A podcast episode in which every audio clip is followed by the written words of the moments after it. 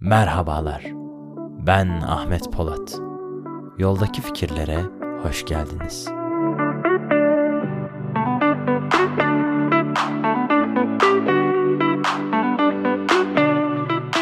Her bölümde olduğu gibi bugün de konumuza başlamadan önce birkaç hatırlatma yapmak istiyorum. Beni dinlediğiniz mecrada Spotify, Google Podcast ve Apple Podcast'te takip etmeyi ve bildirimleri açmayı unutmayın. Yoldaki fikirlerin yeni bölümlerinden ancak bu şekilde haberdar olabileceksiniz. Ayrıca beni Instagram ve Twitter'dan da takip edebilir. Oradan sorularınızı ve yorumlarınızı bana iletebilirsiniz. Açıklama kısmında Instagram'ın ve Twitter'ın linkleri de mevcut. Her zamanki kısa hatırlatmalarımızı yaptıktan sonra bu haftaki konumuza gelelim. Bilgi çöplüğündeki cahil bilgeler. Bilgi nedir? Cehalet nedir? Bilgiye erişebilme yeteneği nedir? Bilgiye erişebilmek bize ne kazandırır? Bilgelik nedir? Bilgi olup da cahil nasıl olunur? Gelin bu soruları yanıtlamaya çalışalım. O halde yoldaki fikirler başlasın.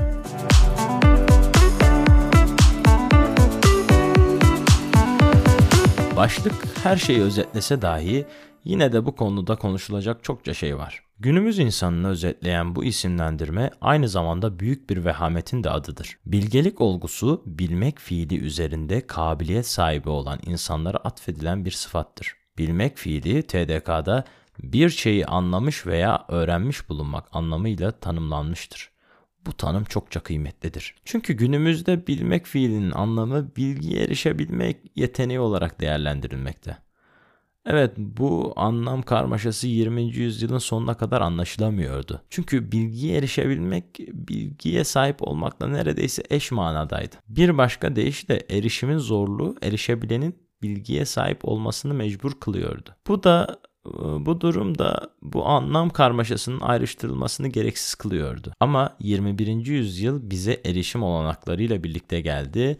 Artık bilgi çağı diye belli kesimlerce adlandırılan bir zamanda yaşar oldu insanlık. Ve bu geçiş o kadar hızlı oldu ki bu zaman geçişinden habersiz olan insanlar artık kendilerini bilgi olarak görür oldu. Çünkü bilgiye erişmek avuçlarının içindeki ekranlardan anında gerçekleşebiliyordu. Ve bilmek de bilgiye erişebilme yeteneğiydi. Gerekli olan her bilgi dünyayı saran ve her an erişilebilen ağda mevcuttu. Bilgelik neydi? Bilmek fiili üzerindeki kabiliyetti. Evet artık herkes bu konu üzerinde kabiliyetli oldu. Bilgi çöplüğünden istediklerini istedikleri an alıp kullanılabilir hale geldi insanlar. Ama bu bilgelerin geçmiş zamanlardaki bilgelerden bir farkı ortaya çıktı. Bunlar basbayağı cahiller. Hem de bu öyle bir cehalet ki bildiklerini iddia ettikleri şeyler üzerinde büyük bir cahillik. Peki bu nasıl olabilir? Bu tezat nasıl olabilir? Bilenlerin cahil olduğu zamanlarda yaşadığımızı iddia eden ben bu konuya cahil kavramının tanımıyla açıklık getirmek isterim. TDK cahili belli bir konuda yeterli bilgisi olmayan şeklinde bir sıfat olarak tanımlamakta. Bu tanımlamadaki yeterli ifadesi birçok şeyi açıklar niteliktedir. Bilgi yeteri düzeyde olmadıkça bilmek olmaz. Bilmek yeterli bilgiye sahip olmakla bilgelik ise yeterli düzeyde bilmek fiili üzerinde kabiliyet sahibi olmakla ancak mümkündür. Burada sahip olmak çok önemlidir. Bilgiye sahiplik olmazsa bilmek olmaz, bilmek olmazsa bilgelik hiç olmaz. Kısacası bilge bilgi çöplüğünü kurcalayana değil, bu çöplüktekilerin yerlerini bilene ve bu çöplüğe bilgi boşaltana denir. Bilgelik mütevazılık gerektirir. Egoizm ise insana bilge olduğunu zannettirir. İnsan egosuna yenik düşen aciz bir yaratık olduğundan düşünce dünyasında bu bilgi erişimi kolaylığında kendini bilgi hissetmeye devam edip bilmiş bilmiş her şeyi eleştirmeye layık olduğunu düşünecektir. Bu bir hastalıktır. Bu hastalıktan arınamayanlar insanlığın bilgi birikimine asla faydalı olamayacaklardır. Faydalı olmak bir yana parazit olacaklardır. Çünkü faydalandıkları bilgileri kötüleyerek bilgi üretenin bilgiye olan sevgisine zarar verecektir. Bunlardan bahsettiğim zaman aklınıza ilk ne geliyor? Twitter. Twitter. Tamamen Twitter'ı anlatıyorum. Bugün günümüzde yazarlar, çizerler, ressamlar, akademisyenler, doçentler, profesörler, doktora öğrencileri, doktor doktora yapanlar, aklınıza gelebilecek mimarlar, doktorlar, mühendisler herkes Twitter'da. Bu insanlar yaptıkları şeyleri de Twitter'da paylaşıyorlar ve altlarına gelen yorumlar hele ki biraz da popülerse o insan gerçekten şaşkınlık verecek düzeyde. İnsanların yıllarca üzerine e, emek verdiği meselelere 1-2 dakikalık göz gezdirme ile aşağılayacak raddeye getirtebiliyorlar. Çok ama çok acizce bir tutum. Tamamıyla egolarına yenik düşüyorlar. Bu yorumları okurken bu insanlar nasıl oldu da bu yorumları yazabildi diye düşünüyoruz ister istemez.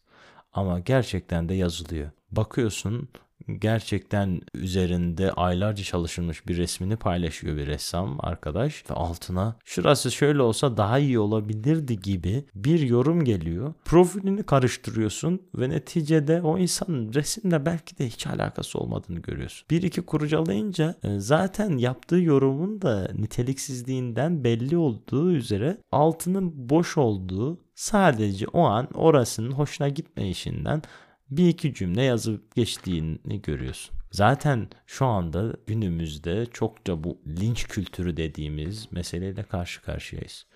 Linç kültürü anlık önüne gelen bir meseleyle ilgili öfkesini, fikrini birine zarar verme amacıyla belirtmekten öte bir şey değil. Orada kendini yargı merci olarak gören insanlar anlık tepkisini yansıtıyorlar ve geçiyorlar. Onların hayatında artık bitti o mesele. Belki sonra bir iki kere daha düşünüyorlardır. Ama lince uğrayan insanı ne kadar kötü etkilediklerinin farkında değiller. Böyle birçok akademisyen, birçok bilim adamı, birçok ilim adamı e, lince uğradı ve gerçekten heveslerinin kırıldığını, küstüklerini gördüm sonrasında. Nice yetenekli ressamlar, fotoğrafçılar bu şekilde lince uğrayarak üretkenliklerine gem vuruluyor. Bunun son nereye varacak gerçekten bilinmez. Ama nihayetinde galiba bu tepkilere karşı bağışıklık kazanacak insanlar ve bu şekilde ancak üretebileceklerini fark edecekler. Biz insanlara bir şeyler sunarken ben mesela fotoğrafçılık adına bir şeyler sunarken gelen güzel yorumları her zaman önceliyorum. Evet arada küfüre varan kötü yorumlar geliyor. Beğenilmediğine dair. Yazdığım yazılarla ilgili başıma birkaç kere, bir kere büyük, birkaç kere de ufak çaplı olmak üzere linç gelmesine rağmen hep iyi tarafını gördüm. Çünkü beni kötüleyenler, yaptığımı kötüleyenler olduğu gibi yaptığımı beğenip destekleyen insanlar da çok çokça var. Ama işte insan gidiyor o, o gülün güzelliğini görmeyip ya dikeni elime battı deyip mızırdanıyor. İnsanoğlu böyle bir şey. Velhasıl biliyorum bu hastalık e, artık insanlığın sonuna kadar var olmaya devam edecek. Ama bir umut olarak bu hastalıktan uzaklaşmaya çabalayan insanların varlığını arzulamaktayım. Çünkü bu insanların varlığı bizi ayakta tutacaktır. Ben buna inanıyorum. İnananların sayısını arttırmak niyetiyle de bu podcast'i yayınlıyorum. Bilgi çöplüğündeki cahil bilgilerden olmak tüketen olmaktır. Üretir konuma gelmedikçe bu hastalıktan kurtulamayacaksınız ve kurtulamayacağız. Bu podcast'i dinleyenlerin şu sorgulamaya davet ediyorum. Bugüne kadar ben ne yaptım? Bugüne kadar ben ne ürettim? Hangi sanat dalıyla uğraşıyorum? İlgi alanlarım neler? Ben ne yaptım ya? Yaptığım şeyler gerçekten değerli şeyler mi? Uğraştığım meseleler, vakit harcadığım meseleler, üzerinde düşündüğüm, üzüldüğüm, mutlu olduğum şeyler gerçekten kıymetli şeyler mi? Bunları düşünmenizi tavsiye ederim. Kendinize bunları sorduktan sonra tatmin edecek cevaplar alamıyorsanız üzülmeyin. Alacağınız raddeye gelene kadar uğraşın. Kendinizi tatmin etmeniz için elinizden geleni yapın. Bu çabada olmazsak gerçekten cahil bilgelikten kurtulamayacağız. Bu aşikar. Evet, toparlamak gerekirse bilgi düşünce ürünüdür. Düşünmek ise aklın kabiliyetidir. Akıl ise kullanmadıkça körelen insana ait değerli bir varlıktır. Aklın yokluğu ile kullanılmaması arasında ince bir çizgi vardır. İnsan aklını kullanmaya mecburdur. Bu mecburiyetinin verdiği baskı ile her daim kolaya kaçmak ve alıştığını yapmak ister. Günümüzde bilgiye erişmek kolay, bilgiyi öğrenmek zordur. Bu kolaylığa alışan insanoğlundan böyle bir taşın altına girmesini istemek elbette pek akıllıca görünmüyor. Ama dediğim gibi inandığım bir kesim var. Ben onlara hitap ediyorum. Dileyen, dilediği hayatı ancak düşünen bir toplumda yaşayabiliyor. İşte sırf bu özgürlüğe erişebilmek için bile çabalamaya değer olduğunu düşünüyorum. Bilgi çöplüğünde bir şeyler karıştırmak düşünmekten uzaklaşmaktır. Düşünmek üretmeyi mecbur kılar. Zaten bu mecburiyetten kaynaklı olarak insanlar yorum yapmayı arzuluyorlar. Bahsettiğim gibi bu Twitter meselesi ortaya çıkıyor. Twitter'ı çok daha verimli kullanabilecekken günümüzdeki kullanımına erişmiş oluyoruz.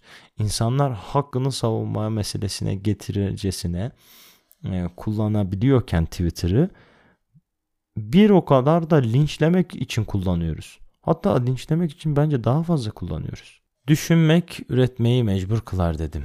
Bu mecburiyetten kaynaklı olarak da insanlar yorum yapmayı arzuluyorlar dedim. Yeterli bilgisi olmayınca yeterli bilgi sahibi olmadığı alanda da böyle bir yetkinlik görmeleri hiç de zor değil. Çünkü bunlar cahil bilgeler. Yetkinliği, yeterliliği olmasa dahi yorum yapmayı hakkı görüyorlar kendilerinden. Diyeceğim odur ki eğer özgürlüğünüzü arzuluyorsanız hazır düşüncelerin değil, kendi düşüncelerinizin sahibi olun. Bunun için de cahil bilgelerden olmayın. Evet. Bu haftalık da podcast yayınımızın sonuna geldik. Bir sonraki hafta bir başka konuda muhabbet etmek, yoldaki fikirlerimizi, hayat yolundaki fikirlerimizi birbirimizle paylaşmak üzere. Bu podcast kaydı biterken tekrar hatırlatmak isterim. Instagram ve Twitter adreslerimden bana ulaşabilirsiniz. Yayın hakkındaki, bölümler hakkındaki fikirlerinizi benimle paylaşabilirsiniz. Sonrasında bu fikirlerle gideceğim rotayı belirliyorum ben. Bugüne kadar yorumlarını eksik etmeyen herkese çok teşekkür ediyorum. Yoldaki fikirlerden bu haftalık bu kadar. Bir sonraki hafta başka bir meseleyle karşınızda olmaya çalışacağım. Beni kulaklarınıza misafir ettiğiniz için, aklınızda bir şeylerin yer etmesi, bazı meseleler üzerinde kıvılcımlar oluşmasını çabaladığınız için çok teşekkür ederim. Bir sonraki hafta görüşmek üzere. Hoşçakalın, selametle kalın.